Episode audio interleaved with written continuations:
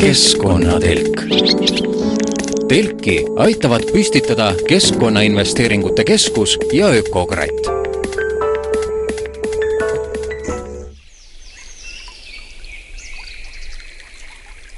tere! keskkonnatelk ongi püsti, mina olen saatejuht Kadri Valner ja kutsun teid peaaegu et Eesti-Läti piiri peale siin Võrumaa lõunatipus asub looduskaitse all olev Luhasoo. ja Läti on siin tõesti vaid mõne kilomeetri kaugusel, et kui mõne künka otsa ronida või siis puu otsas turnida, siis Läti paistabki ära. see ongi üks huvitav paik, sest hoolimata sellest, et et äh, siin lähedal on näiteks Vällamäe raba, kus on Eesti kõige paksem turbalasund, siis samamoodi turvast on üksjagu ka siin Luhasool.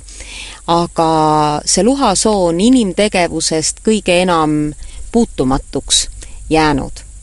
ja ta on põnev ka seetõttu, et selle väikese ala peal on näha erinevad rabajärgud me oleme päris äh, matkaraja alguses, siit viib külatee Heinamaale, sealt edasi Kuusemetsa, mida läbiv rada juhatabki meid Sooservale laudtee algusesse, kus ootab meie tänane matkajuht Maris Kivistik Keskkonnaameti keskkonnahariduse osakonnast no Luhasoo on kuskil neli pool kilomeetrit on selle matkaraja pikkus, aga praegusel ajahetkel on tõesti kuskil pool rada on, äh, koprad on maastikku kujundanud siin mm, -hmm. nii et nemad on rajanud suure-suure märgala, mis tegelikult looduses on, ega looduses äh, on kõik asjad kuidagi seotud ja, ja sellele märjale alale on tänavu kolinud elama kajakate kolooniad, mida siin kunagi varem pole olnud, nii et Aha. inimene võib arvata, et ta ei saa matkata, aga, aga loodus leiab jälle selle tühja niši ja, ja see on kellelegi jälle kasulik, mõnele liigile, nii et et äh, aga, aga inimesed saavad käia kuni Rabasaareni mm -hmm. ja, ja see on kuskil kaks kilomeetrit, nii et edasi-tagasi on ka kuskil neli kilomeetrit mm, -hmm. see matkarada aga et kajakad, nad peaksid olema ju põhimõtteliselt ikkagi nagu mere läheduses või? jah, aga tänapäeval on kajakad äh, päris palju ka sisemaal järvede ääres elutsevad sellistes kohtades, kus inimesi ei liigu ja, ja rajavad sinna kolooniaid ja ja, ja koloonia eesmärk on just see, et, et siis saab rahulikult pesitseda, valvatakse üksteise järele, tehakse kõva kisa, kui kuskil hädaoht on ja, ja niimoodi nagu ühine meeskond toimetatakse kes siin on oma, päris oma lind, et, et meil kodunt kostab sookure hääl, et kas siin võib olla see luhasoo, võib olla ka sookurgede kant? jaa, kindlasti. sookurgesid on siin kindlasti ja, ja nende häält võib siin kuulda, praegu on tal pojad juba nii suured, et nad harjutavad lendamist uh. Mhm. -huh. ja siis võib kuulda seda sellist kahehäälset kure, kurehüüdu, et, et tavaliselt nad teevad kahekesi, see kurepaar teeb seda häält koos, see kluu-kluu, et see on väga huvitav hääl. -hmm. ja muidugi lindudest on siin kindlasti ka tetre. et tedred armastavad ka sellist raba, rabamännikuid ja pesitsevad ja mängivad siis seal kevadeti on seda, seda tetrede, tedrekukkede häälitsemist kuulda siin et ma saan aru, et see on nagu selles suhtes eriline, et, et ta on siinkandi kõige puhtam soov ja kõige vähem inimese käsi on siin puutunud või siin ei ole kunagi turvast kaevandatud, et inimene ei ole siin mingisugust majandustegevust äh, arendanud. ja ta on selline soo, ta on selline väike soo, mujal Eestis on ikka suured sood, aga see on mhm. suhteliselt väike ja ja ta on tekkinud siis Pärli jõe äh, sellisesse läbivoolulisse äh, järvenõkku. Mhm. -huh. ja, ja ta on äh, Võrumaa ainukene sookaitseala, Võrumaal rohkem sookaitsealasid ei olegi mm. -hmm ja nii-öelda loodushuvilistele on siin eh, see väga huvitav, et siin saab vaadata, kuidas läheb siis eh, mets üle rabaks, et seal on võimalik vaadata, kuidas on madalsoo, siirdesoo ja raba. kõik need tükid on. kas see laudtee, mis meid siin nüüd vastu võttis, kas selle, seda mööda me põhimõtteliselt kogu, kogu aeg peaaegu saamegi käia või? ah ei, mets ikka paistab ilma laudteeta ka ees. vahepeal on mets ja, ja siis rabas on ikka igal pool on laudtee mm -hmm. just sellepärast, et eh, seda rabapinda kaitsta. et kui inimesed käiksid mööda seda turbapinnast, siis jääks selline inetu vagu järele ja, ja, ja me kahjustaks seda, seda pinnast, aga just sellepärast, et olgem ausad, ega suuri masse sellised rabad ei talu, need Just. liigid ei talu, needsamad linnud, kes siin pesitsevad, need tahavad vaikust ja rahu ja inimene on ikka siin külaline mm. -hmm. et seda peab alati arvestama aga juttu oli, et, et siin läheduses on Pärli jõgi, et nagu Harjumaal on kunagi leitud seda ebapärlikarpi, siin, siin Pärli jões seda ei ole või? praegu ei ole kindlasti enam, et pär-, ebapärlikarp on muutunud niivõrd haruldaseks, et Eestis äh, võib-olla ühes-kahes jões teda on leitud, aga kunagi eelmise sajandi alguses oli siin küll ebapärlikarpi ja, ja seda püüti ka siit välja ja uh -huh. ja, ja siin sellega tehti äri nii et sellest ongi see jõgi vähemalt oma nime saanud? Äh, ma arvan küll. siin on siis puud, siin on ladustatud puud, kui keegi tahab äh, seal matka, matkaraja lõpus on see Rabasaar ja seal on väike lõkkekoht. kui keegi tahab sealt lõket teha, siis peab siit puud kaasa võtma. jah, ja kohe silt juures silt ka, siit juures... võta oma tarbeks saarele kaasa küttepuud. väga lahe. aga tavaliselt väsivad inimesed poolel teel ära, nii et tee äär on täis neid maha visatud puid. Sest et keegi ei tea, kui palju ta jaksab ja kui palju minna on. Palju siit minna on? siit minna on kuskil ikkagi oma ligi kaks kilomeetrit. jah. siis peaks keegi olema kaval ja seljakotiga. seljakotiga, jah. või siis praegu minema tühja käega ja poolel teelt kokku korjama. poolel teelt, seal on ära vettinud, see on muidugi paremat ja siit siis see raba hakkabki? siit hakkabki raba pihta. see on siis madalsoo, eks ole? siin on madalsoo, jah. ja siin kasvavad kõiksugu huvitavad taimed. Siin on ka mitmeid orhideesid. siin raja ääres võib lausa leida neid Eesti, Eesti orhideesid, mis kasvavad just erinevate koosluste üleminekualadel mm. -hmm. ja siin on meil näiteks ubaleht kasvab siin soopihl on siin. jah, selliseks äh, sooõppetunni jaoks on see Luhasoo üks äärmiselt tore koht, et siin saab õpetaja näidata ikkagi kõiki neid asju, mida koolis talvel klassitoas on, on räägitud mm. -hmm. meil ongi just praegu väljatöötamisel sellised loodusõppeprogrammid koolidele et eh, kas siis Keskkonnaameti juhendajaga või õpetajad kas või ise saavad tulla siia, ma loodan juba järgmisel kevadel, kui need programmid on valmis ja, ja viia läbi siin selliseid õppetunde, kus lapsed saavad tõesti käega katsuda neid taimi ja vaadata ja, ja nii-öelda seda teooriat praktikaga ühendada kui reaalne see on, et tulevad kaugemalt kui ütleme, Rõuge kooli lapsed, et see on ju igavene häda on ja alati kestev häda just bioloogiaõpetajatel, et aega selle jaoks ju ei ole, et, et seda praktikat tegelikkust näidata. jah, kindlasti käivad siin just selle Kagu-Eesti kandi äh, koolid mm, -hmm. sest Valgamaal ei ole ühtegi sooõpperada ja Põlvamaal muidugi on, aga just sellist tüüpi sood äh, ei ole ka Põlvamaal, nii et ma arvan, just Põlva, Valga ja Võru maakonnakoolid äh, siin kindlasti hakkavad käima, nad juba käivad niigi siin mm. -hmm. aga nüüd saab lihtsalt nende niisugust õppesisu natuke paremaks teha ja võimalusi pakkuda. aga kindlasti on see, et just see kevadine õuesõppeaeg on niivõrd lühike, aprilli poolest aprillist maini ja, ja väga kiire on siis õpetajatel leida seda aega ja, ja, ja selleks metsasõiduks ka raha. bussisõit ju maksab. jah, jah.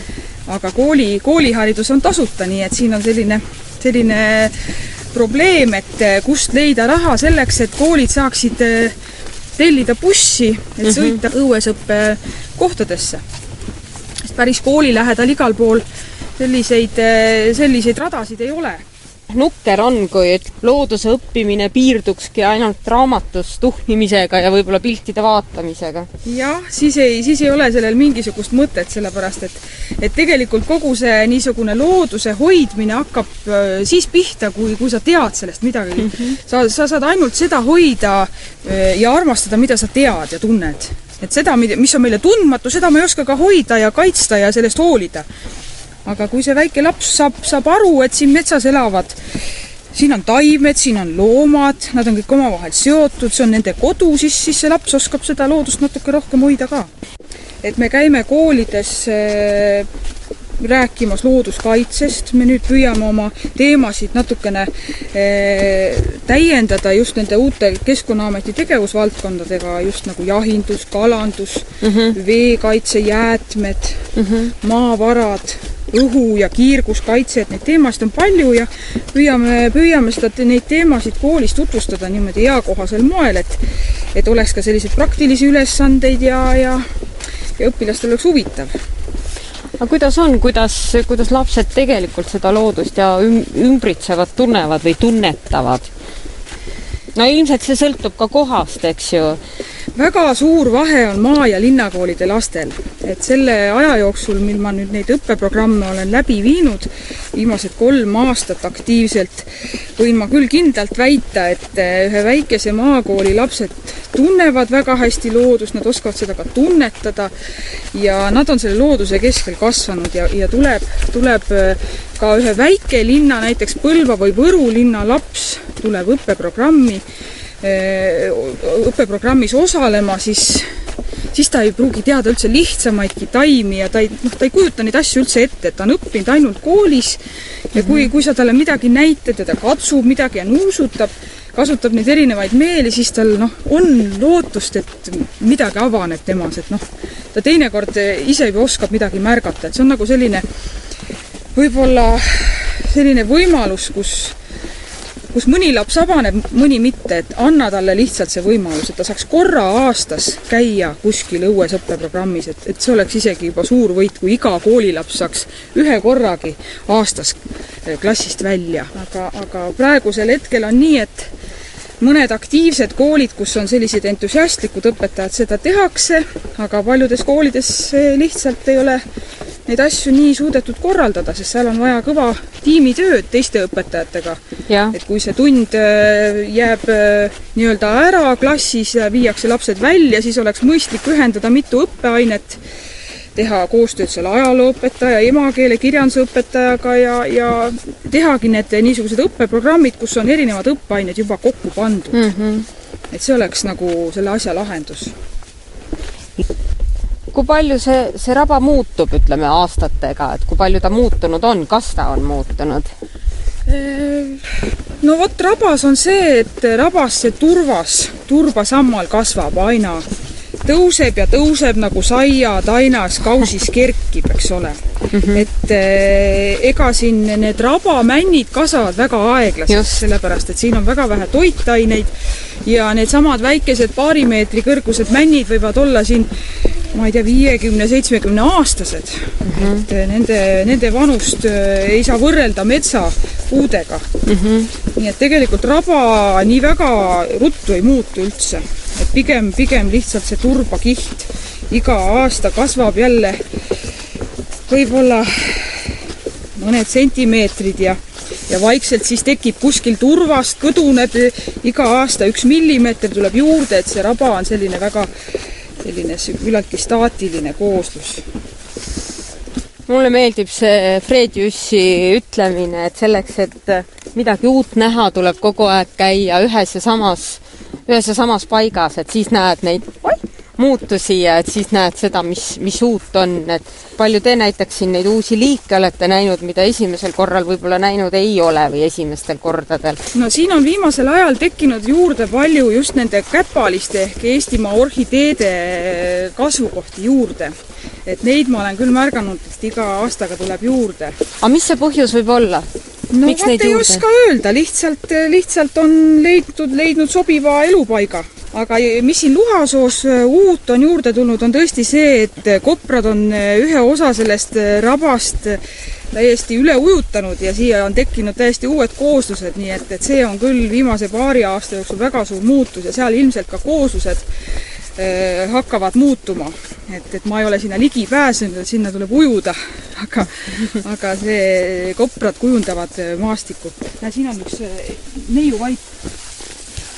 üks neiuvaip, see, mis ta nüüd ongi, sooneiuvaip peaks olema. kui õrnakene ja ja seal Hiiumaal on tumepunane neiuvaip on, on hästi levinud seal rannaaladel kuivades kohtades, see sooneiuvaip on soos. ahah, ka ilus. on küll, jah. Jah, ta on ka selline, et mida võib-olla marssid mööda ja ei Ei pruugi näe, märgatagi. meil on nüüd vaikselt nagu ümbrus muutunud, me oleme Siin sattunud on- sellisesse jaa. kõrkjate vahele.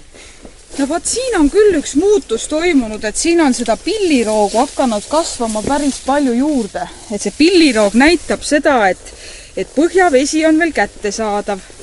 see tähendab, et see on, siin on, see on siirdesoo, see on siirdesoo ja, ja varsti me jõuame siis rabasse, kus enam põhjavett ei ole kättesaadav ja, ja, ja see taimestik toitub ainult siis sellest rabale langevast, langevatest sademetest ja, ja ka tolmust, kui nii võtta. et kõik, mis ülevalt tuleb, see on siis see, mille peal ta hingab ja elab. mis taim see on? see on äh, soopihl. vaata nagu maasikas. just. Soopihl, aga tal on juba viljad, ta on ära õitsenud. tal on täitsa nagu minu meelest äh, mari, täitsa nagu maasika, mingi marja moodi, kogu vili, ma ei tea. proovida küll ei julge. tal ei ole maik- mingit lihakat kesta ja, ja jälle jah. kes on need loomad, keda me võime siin, siin soo peal näha? on siin üldse no on ikka, kui rääkida kõige suurematest loomadest, siis on teada, et siit käivad läbi karud nii. ja karud äh, armastavad üldse selliseid paikasid, kus inimene vähe liigub ja selliseid suuri, suuri looduse puutumatuid massiive ja, ja siin on nähtud karu tegevusjälgi ja seesama matkaraja hooldaja on siin isegi karu kohanud. nii. ja nii et, et selles mõttes tuleb siia mitmekesi ikkagi tulla. Karu on suur loom no siin võib kindlasti liikuda ka rebaseid, siin võib kährikuid liikuda, sest kährikud armastavad maiustada marjadega. siis on siin noh, võib-olla mõni põder või metssiga võib kuskil rabaservas uidata. noh, läbirändel just, et nad nüüd siin päris elaksid, selles ma päris kindel ei ole kitsesid ma ei ole siin näinud, kitsel pole siin süüa midagi. kits tahab ikka mingisugust niisugust lopsakat rohtu süüa. siin kitsesid kindlasti noh, võivad läbi käia, aga mitte, et nad elaksid sinna toitu. selle jutu jooksul oleme jälle uuele maastikule nagu jõudnud, et nüüd on Jaa, nagu nüüd on tegemist tõelise rabaga. siin võib näha kukemarja, siin võib näha murakat, siin on ja kõige-kõige rohkem on siin näha seda turbasammalt ja see turbasammal katab siis lausaliselt kogu selle pinnase, siin on väga erinevaid värve. Seda turbasammalt, siin on punakaid ja rohelisi ja kollaseid selliseid laike. ja, ja siin on ka siis küüvitsat ja väga ilus on see raba just kevadel, siis kui siis kui need, need taimed siin kõik õitsevad, küüvits õitseb, jõhvikas õitseb, murakad õitsevad. Et, et ja muidugi äh, sügisel on raba väga ilus mm. -hmm. nii et äh, aga tegelikult Ja talvel on ja raba talvel tegelikult tasub rabasse tulla igal ajal, sest raba on selline koht, kus kuidagimoodi nagu aeg jääb seisma. et siin ei ole siin ei ole neid radu palju, et keegi sulle vastu juhtuks, et sa oled siin nagu üksinda ja omaette ja oma mõtetega, et, et see on selline koht, kuhu tasub tulla nagu elu üle järele mõtlema, nagu, nagu noh, öeldakse, et selleks, et oma elust aru saada, pead nagu kuhugi kodust ära reisima, et vot kui ei ole nagu raha kaugele ära reisida, siis tasub rabasse tulla, see ongi nagu päris kaugel kodust ära, et see muu maailm jääb nagu selja taha raba iseloomulik lõhn on juba meile teada sookailu lõhn, eks ole. Kui lähed rabasse, siis jääb riietele külge sookailu lõhn, et just need rabataimed annavadki sellise iseloomuliku pildi ja iseloomuliku lõhna ja selle mälestuse inimestele mm. -hmm. et eh, see, see on see raba, raba eripära. ja neid taimeliike siin väga palju üldse ei olegi, siin on võib-olla viis-kuus kindlat taimeliiki, mida on väga lihtne ära õppida ja ja tundma õppida, et siin eh, selliseid taimi, kes sellistes tingimustes üldse suudaksid ellu jääda, neid palju ei ole, aga nad on kohastunud selleks. mm. -hmm. no siin on huvitav, et, et me oleme nagu keset raba ja siis on niimoodi päris meie lähedal männipuude selline kõrgete männipuude salu, see on siis mm -hmm. nagu männisaareke või? see on, see on üks selline, paistab, et see on üks selline mineraalmaa nukikene, mis on järgi jäänud, mis ei ole veel turbasamblaga mattunud ja seal kasvavad päris kõrged männid, et, et see on üks rabasaar et nüüd me oleme ka parasjagu teel ühele, ühele teisele rabasaarele, kuhu see matkarada meid juhatab. rabasaar siis ei tähenda seda, et ta on keset vett, vaid et ta ongi siis nii-öelda kuivem pind keset, äh, keset raba. keset raba, jah. mitte keset, keset järve. keset järve, jah. raba peal on ju järved ka. jaa, siin on äh, kaks järve, Mustjärv ja Tiksijärv ja need on sellised tüüpilised sügavad äh, rabajärved kus on selline nõrgalt happeline vesi ja siin ei elutse näiteks kalu. kaladele see happeline vesi ei sobi. nii kaugelt üks ilus rabajärvekene paistab, et, et paistabki meile kätte. paistabki kätte, jah. et see rabajärv on selline, kus äh, ujuda saab aga, aga väljatulekul peab olema ettevaatlik, et äh, kalda äär on selline järsk et nagu, nagu mingisugust äh, kena põhja ei ole, et need, kes hästi ujuvad, need saavad lubada endale Rabajärves ujumist. vaatame, kas siin järve peal on ka mõnda lindu näha. et siin on tavaliselt äh, äh, näha sõtka perekonda, viimane kord, kui ma käisin, siis oli siin sõtka ema koos mingi viie pojaga. ja sõtkas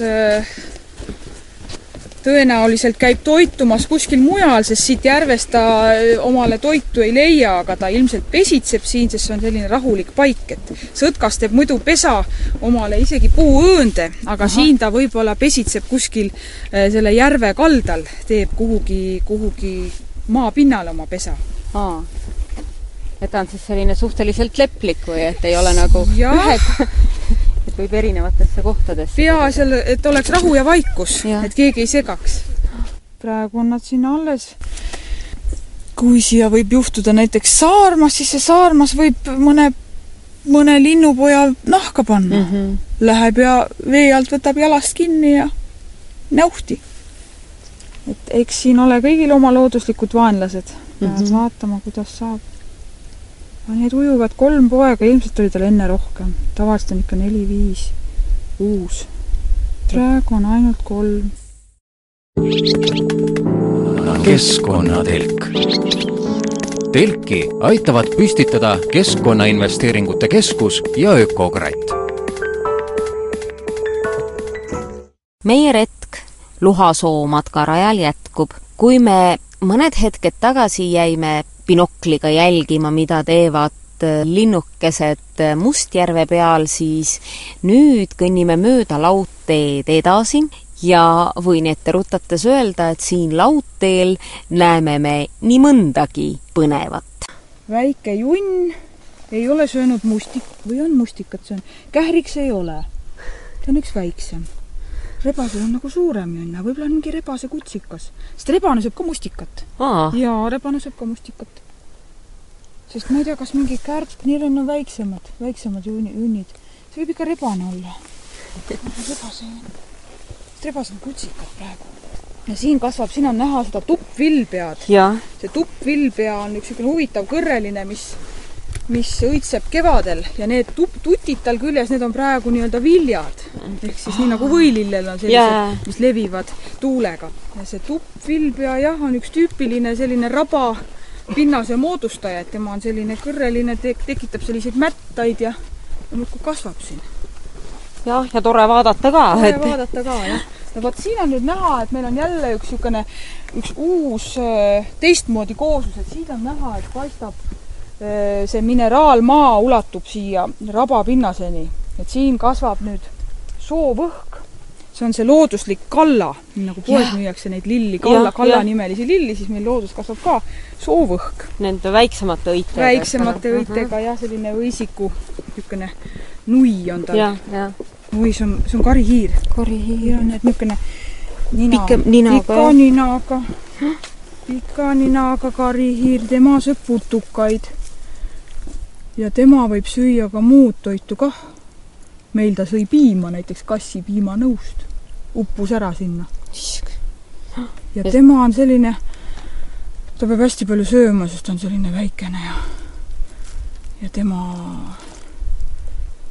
on natuke teist, ta on, ta on muti, muti sugune, mutt on ka putuktoiduline, muud hiired söövad ju vilja ja teri ja näksivad saia ja juustu, kõike, mis on, isegi seepi söövad kodus hiired, aga karihiired ei söö, kari, tal on hambad ka natuke väiksemad, teistsugune mm. -hmm. küll teda keegi tahab, ma arvan, keegi võtab ta ära kaua võtab ka aega ühe sellise matkaraja tegemine või õpperaja tegemine? selle rajamist alustati üheksa, tuhande üheksasaja üheksakümne üheksandal aastal mm., siin oli see tore rabasaar mm. -hmm.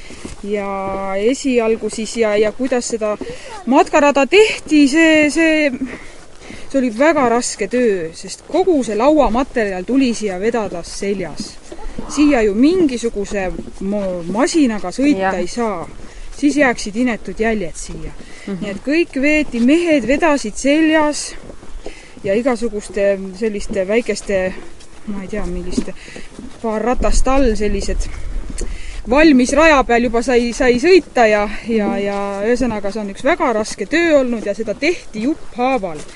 nii et äh, esimene aasta tehti siis valmis see matkaraja lõik äh, kuni selle matka Onnini, mis Rabasaarel on mm. -hmm. ja siis mitu aastat järjest tehti siis see ülejäänud jupp, et iga aasta natukene, kuskil kilomeeter või, või pool kilomeetrit äh, aastas, sest siin äh, kolm-neli aastat tagasi maksis ühe meetri laudtee tegemine kakssada krooni.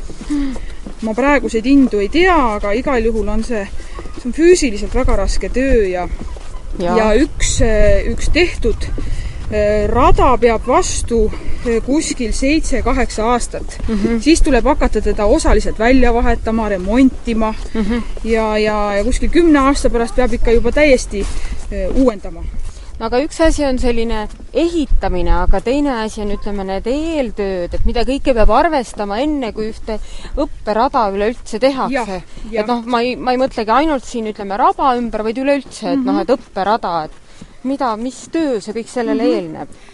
no kõigepealt tuleb vaadata, kui üldse mingisugust matkarada rajada, tuleb vaadata, kas ta jääb mingisuguse trassi äärde, et kas inimesed saavad üldse sinna minna uh, -huh. et on see juurdepääs tagatud uh. -huh. siis tuleb vaadata, kuidas see loodusele mõjub, et kas loodus üldse kannatab välja, kui seal inimesed hakkaksid käima uh. -huh ja siis saab alles hakata vaatama seda, et mida siis seal inimestele näidata, et mida seal huvitavat on et milliseid vaatluspunkte ja mida seal siis kirjeldada.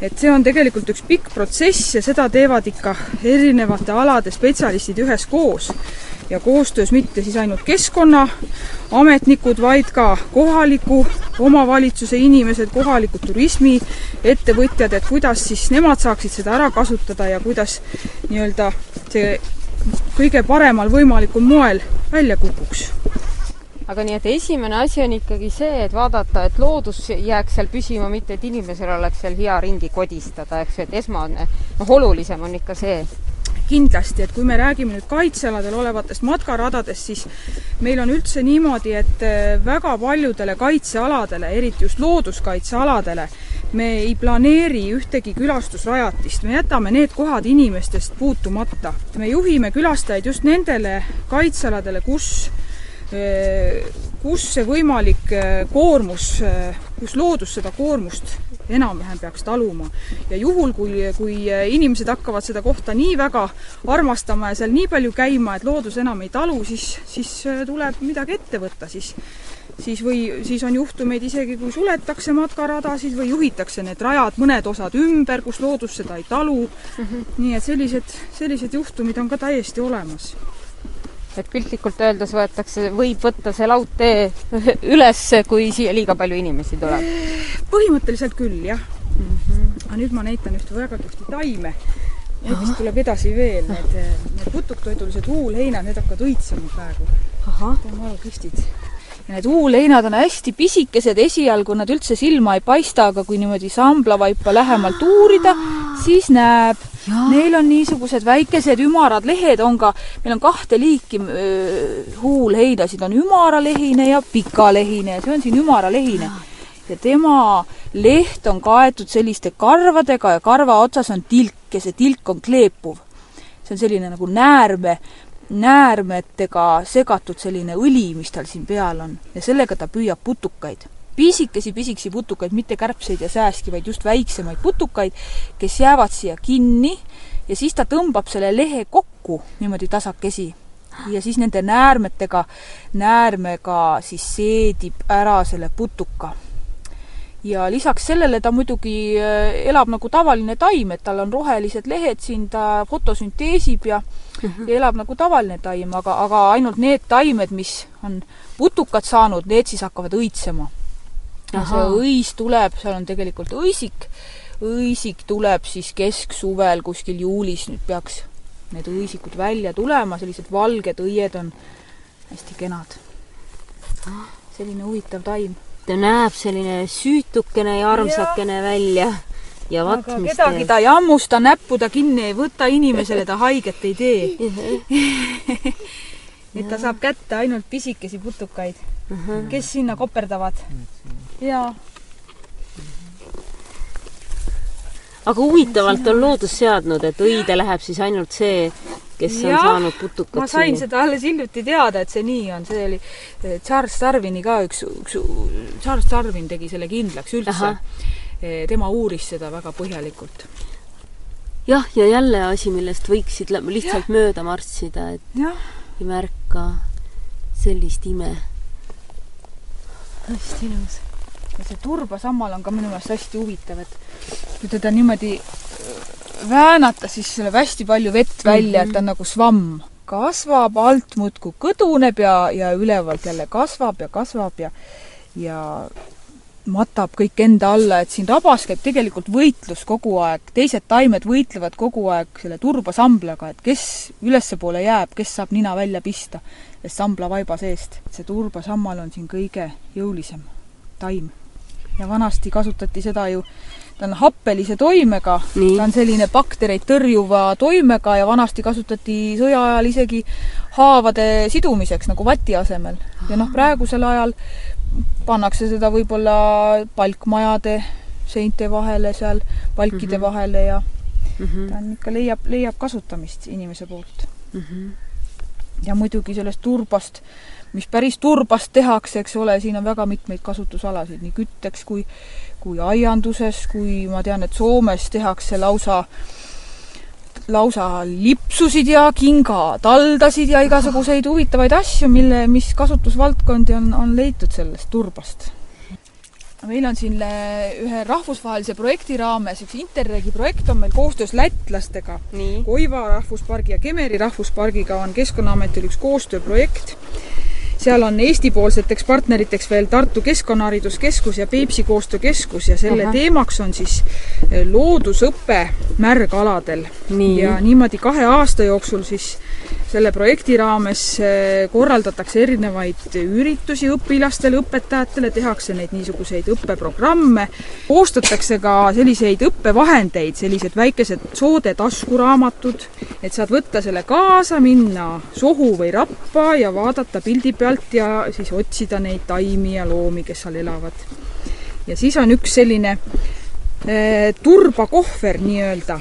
see on selline õppevahend siis, mis eh, mille saab õpetaja laenutada Keskkonnaametist eh, omale klassi, kui mm -hmm. tal on just näiteks raba teema koolis, tavaliselt see juhtub talvel, kui midagi eriti looduses ei näe, ja siis ta saab sealt raba või sellest turbakohvrist välja võtta igasuguseid näidiseid, saab päris turbasammalt võtta välja, jõhvikaid näidata, kõiki neid rabataimi ta saab siis klassis tutvustada ja näidata ja ja seal on ka erinevad õppeülesanded, et see õpetaja saab siis mitu tundi selle turbakohvri abiga lastele pidada mm -hmm. lapsed saavad natukene võib-olla paremini aimu sellest rabast mm. -hmm. ja nüüd me lähenemegi Rabasaarele ja väike rabamajakene paistab ka. jah, see rabamajakese ehitamine oli üks väga raske asi. see tehti siis üheksakümne üheksandal aastal ja materjal veeti siia kohale helikopteriga. ja helikopteriga see asi oli kõik väga keeruline. Kivid olid vaja vedada, selle maja ahjukivid ja kõik need palgid ja ja ikka päris suur töö, et seda ehitasid siin Räpina aianduskooli tudengid olid siin abis ja tollase keskkonna maavalitsuse keskkonnaosakonna töötajad siin tehti üheskoos, kõvasti nähti vaeva. et äh, inimesed äh, ikkagi hoiavad puhtust ja äh, koristavad enam-vähem enda järel ära, et üksikud juhtumid muidugi on, kui tulevad sellised laamendajad siia, aga tavaliselt need laamendajad tahavad autoga väga lähedale sõita, nad ei viitsi kõndida, et see kohe selekteerib välja, kes, kes siia jõuab ja kes siia ei jõua. meil on seljakotti täis halge kaasas me võime ennast mõnusasti tunda, nõnda nagu iga loodusesõbralik matkaja, sest teisi siia ei oodata. ja kui me oleme veidi puhanud, siis marsime edasi, et vaadata, mida on koprad teinud ülejäänud laudteega ja millised tagajärjed on nende pusimisel rabale. aga sellest võib-olla mõnes teises saates. igal juhul ma tänan meie matkajuhti Maris Kivistikku. saate ja matkarajad lähevad nüüd erinevaid teid pidi ja saate järg jõuab juulikuu kokkuvõtteni. harjumuspäraselt teeb selle Eesti Päevalehe keskkonnaajakirjanik Ulvar Käärt.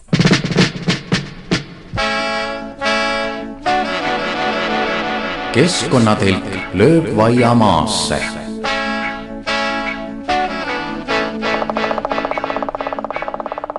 parajalt vihmane juulikuu tõi Eestile jälle kaks uut ja huvitavat lindu juurde.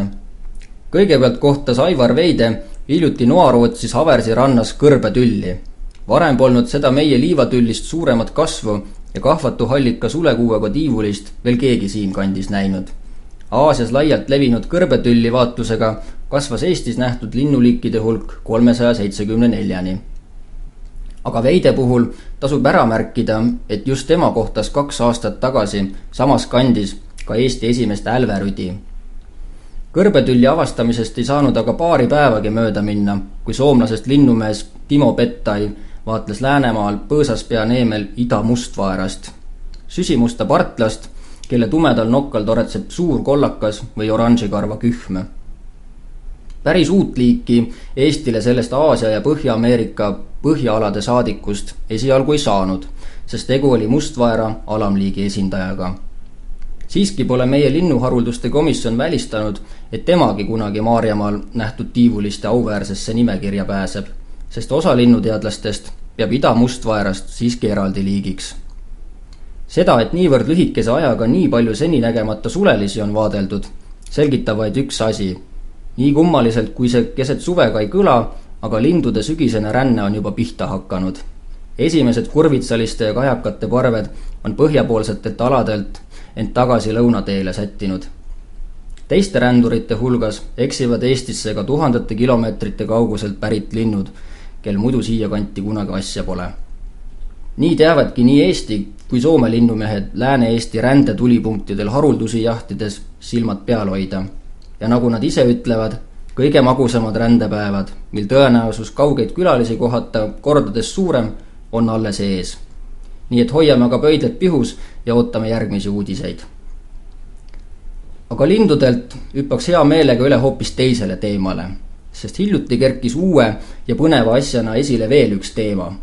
nimelt tuli päevavalgele Keskkonnaministeeriumi mõte enam kui sajal Lõhejõel olevad veepaisud maksu alla panna et paisuomanikud hakkaksid edaspidi hüvitama tammitamisega kalastikule tekitatavat kahju. võimalikust maksust ei pääseks ka need, kelle paisudel on olemas kalade tammist üles- ja allavoolu liikuda aitavad kalatrepid, sest teadaolevalt pole Eestis veel ühtegi sellist treppi, millest kõik kalad läbi pääseksid. ehk siis treppidega paisude omanikud peaksid hüvitama keskkonnale tekitatava kahju nende kalade osas, kes ka trepist üles-alla liikuma ei pääse uuringud on näidanud, et näiteks Eesti parimal lõhejõel, Kunda jõel, asuvad neli tammi tekitavad kaladele aastas ligi miljoni krooni eest kahju. maksu kehtestamise korral jääks see summa paisuomanike kanda. see on ju iseenesestmõistetav, et kes oma tegevusega loodust rikub, peab ise selle kahju ka hüvitama. hüdroelektrijaama omanikel ajas taolisest võimalikust maksust kuulmine muidugi ihukarvad püsti sest see muudaks veest elektri jahvatamise tulutuks tegevuseks. ehk teisisõnu, niinimetatud paisumaks nulliks ära nende mugava pensionisamba. sest Eesti Energia on ju kohustatud veeelektri rohelise elektri pähe tavaelektri hinnast kallimalt kokku ostma. samas, kas hüdroelektrit saab ikka olemuselt roheliseks pidada? kui vaadata kalateadlaste uuringuid, siis ei pea see sugugi paika nimelt kujutavad mitme meetri kõrgused paisud kaladele ületamatut rändetõket, seda eelkõige siirdekaladele, lõhelistele ja meriforellidele, kes ei pääse oma tammidest ülesvoolu jäävatele kudemisaladele. samuti pöörab pais segi teiste jõekalade elu. nii kalateadlased ütlevadki, et arvestades hüdroenergia keskkonnale tekitatava kahju ulatust, ei saa seda sugugi roheliseks pidada, rääkimata sellise tegevuse mõttekusest Eesti oludes lisaks hüdroenergia kahtlasele rohelisele väärtusele tekitab näiteks minus küsimusi ka tuuleenergia. siinkohal tuleb tõdeda, et ükski suurem ega väiksem tuulepark tõesti ei saasta õhku ega tekita elektri jahvatamisel muid jäätmeid, nagu näiteks meie põlevkivielektrijaamad. samas ei mõtle enamasti mitte keegi selle peale, kui palju energiat on kulutatud ja kui palju on õhku kasvuhoonegaase ja muud saastat ossutatud tuulegeneraatorite valmistamise käigus, rääkimata sellega kaasnenud kasututest ülejääkidest. on ju tulnud tuulegeneraatori metallist materjal ja muu pudipadi, millest need hiiglaslikud monstrumid koosnevad, kunagi nii-öelda valmis sulatada. kuskilt on mulle kõrve jäänud väide, et tuulegeneraatorid ei tooda oma eluea jooksul kaugeltki mitte nii palju energiat, kui palju on nende endi tootmiseks kulutatud. ehk siis nende ökoloogiline jalajälg pole üldsegi mitte väike ning selle olematuks muutmiseks peaks tuuleturbiinide tööiga poole pikem olema. nii et ütleme aga julgelt välja, kõik pole roheline, mis sedamoodi hiilgab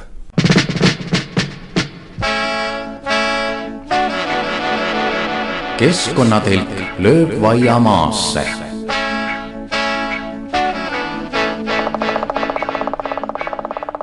selline on olnud juulikuu, võtku nüüd kõik augustist, mis võtta annab. võin öelda ette rutates, mida meie näiteks järgmisel pühapäeval teeme, et on alanud värskelt jõevähkide püügihooaeg, siis räägime, mis seisus on üldse Eestimaa jõevähid arutleme ka selle üle, kuidas koju looduslike lõhnadega värskust tuua ning uurime, kuidas ära visatud asjadest teha aiamööblit.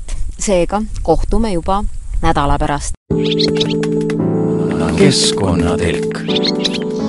telki aitavad püstitada Keskkonnainvesteeringute Keskus ja Ökokratt